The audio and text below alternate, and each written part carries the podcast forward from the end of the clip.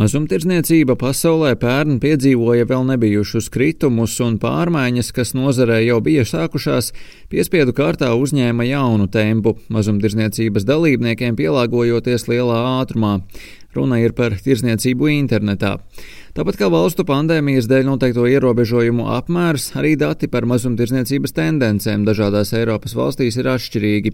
Dažās valstīs februārī piedzīvots vairākos mēnešos pirmais vai jau kārtējais kāpums, tikmēr citās vērojams kritums. Piemēram, straujāks mazumtirdzniecības apmēra kritums februārī salīdzinājumā ar 2020. gada otro mēnesi starp Eiropas Savienības dalībvalstīm bijis Portugālē - vairāk nekā 15%, savukārt straujākais pieaugums fiksēts Beļģijā. Beļģijā 11%, kā skaidro bankas citadela ekonomists Mārtiņš Aboliņš. Nu, šis gads atkal sācies ar ierobežojumiem, kurus valstīm atšķirās. Nu, tiešām tas galvenais faktors ir šis tie, no valsts puses noteikti ierobežojumi, kas arī nosaka, cik liela krituma tur ir. Ne visiem ierobežojumu laikā veiksmīgi izdevies noturēt galvu virs ūdens.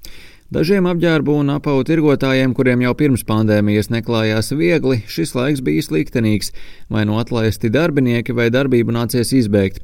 Situācija tik strauji, kā varētu gribēt, neuzlabojas, lai gan uzņēmumu pielāgošanās ir arvien veiksmīgāka, mazumtirdzniecības nozares atvesaļošanos rietumu pasaulē ir nomākuši arvien klātesošie un pat pastiprinātie ierobežojumi, kā arī lēna vakcinācija dažās valstīs. Tas nozīmē, ka darbinieku atlaišanas un uzņēmumu grīmšana turpinās. Ekonomists Cāboliņš piebilst. Šī apģērba apalu tirgotāji ir viena no lielākajiem zaudētājiem, jo arī par dzīvi būtiski mainīsies, vēl vairāk strādājam no mājām. Kopumā tā mobilitāte ir mazinājusies, tāpēc apgrozījumi, ja mēs skatāmies, kur ir vislielākie samazinājumi, tad apģērba tirgotāji ir, ir viena no tiem. Piemēram, Somijas veikalu tīkls Stokman nesen paziņoja, ka ierobežojumu un arī apgrozījuma krituma dēļ varētu uz laiku slēgt visus savus veikalus Somijā. Tas nozīmē, ka vairāk nekā tūkstoši cilvēku uz trim mēnešiem paliktu bez darba. Viegli nav gājis arī Zviedrijas apģērbu mazumtirdzniecības kompānijai H&M. Šī biznesa gada pirmajā ceturksnī uzņēmums strādāja ar vairāk nekā viena miljārda zviedru kronu tīrajiem zaudējumiem, un Spānijā nāksies likvidēt vairāk nekā tūkstošu darba vietu. Šajā valstī tiks slēgti arī arī 30 veikali, bet pasaulē kopumā tikšot slēgti 350 no 5000 veikaliem.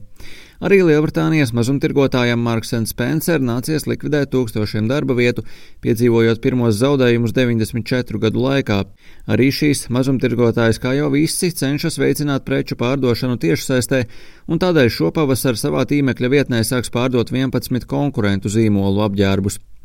Tomēr tirzniecība internetā nespēja atsvērt veikalu aizvēršanu un peļņa joprojām samazinās. Piemēram, Luminora ekonomists Pēteris Strautiņš aģentūrai Leta iepriekš atzinis, nav šaubu, ka situācijas uzlabošanās apģērba tirgotājiem nozīmēs tikai labu, jo šī ir kategorija, kuru daudzi pircēji nevēlas iegādāties attālināti. Arī cita dēļ ekonomists Āboliņš atzīst. Lai arī jā, tā, tā tirdzniecība internetā ir iespējams, ka apģērbs pēc savā ziņā, ko varbūt nav tik, tik viegli tirgot veiklā, kur tā vēlme tomēr redzēt un uzmērīt, uzlaikot klātienē. To, ka patērētājiem patiesi patīk iepirkties klātienē, varēja novērot kaut vai šonadēļ Lielbritānijā, kur jau ar daļējiem ierobežojumiem atvērušies visu veidu veikali. Piemēram, rindas pie Primark veikaliem līdzinājās un pārspēja tās, ko varējām novērot nesen Latvijā. Arī vienam no pasaules lielākajiem modes mazumtirgotājiem Inditex, kura pārziņā ir tādi zīmoli kā Zara, Pull&Bear, Massimo Dutti un Berška, peļņa samazinājusies. Tas pats stāsts attiecināms arī uz Latvijā zināmo apģērbu tirgotāju Mango. Savukārt Covid-19 izraisītās krīzes dēļ pērn aprīlī Lielbritānijas lielveikalu tīkls Debenhams bija spiests iecelt maksātnespējas administratoru. Apritot gadam kopš šī notikuma, veikala bijušie darbinieki īrijā izgāja ielās, lai paustu savu nosodījumu.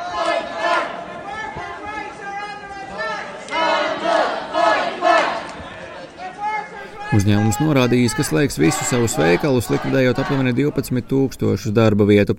Savukārt Britu tiešsaistes modes grupa Buhu nesen paziņoja, ka iegādājusies Debenhams intelektuālā īpašuma aktīvus, ļaujot izmantot tā zīmolus. Rihards Plūme, Latvijas radio.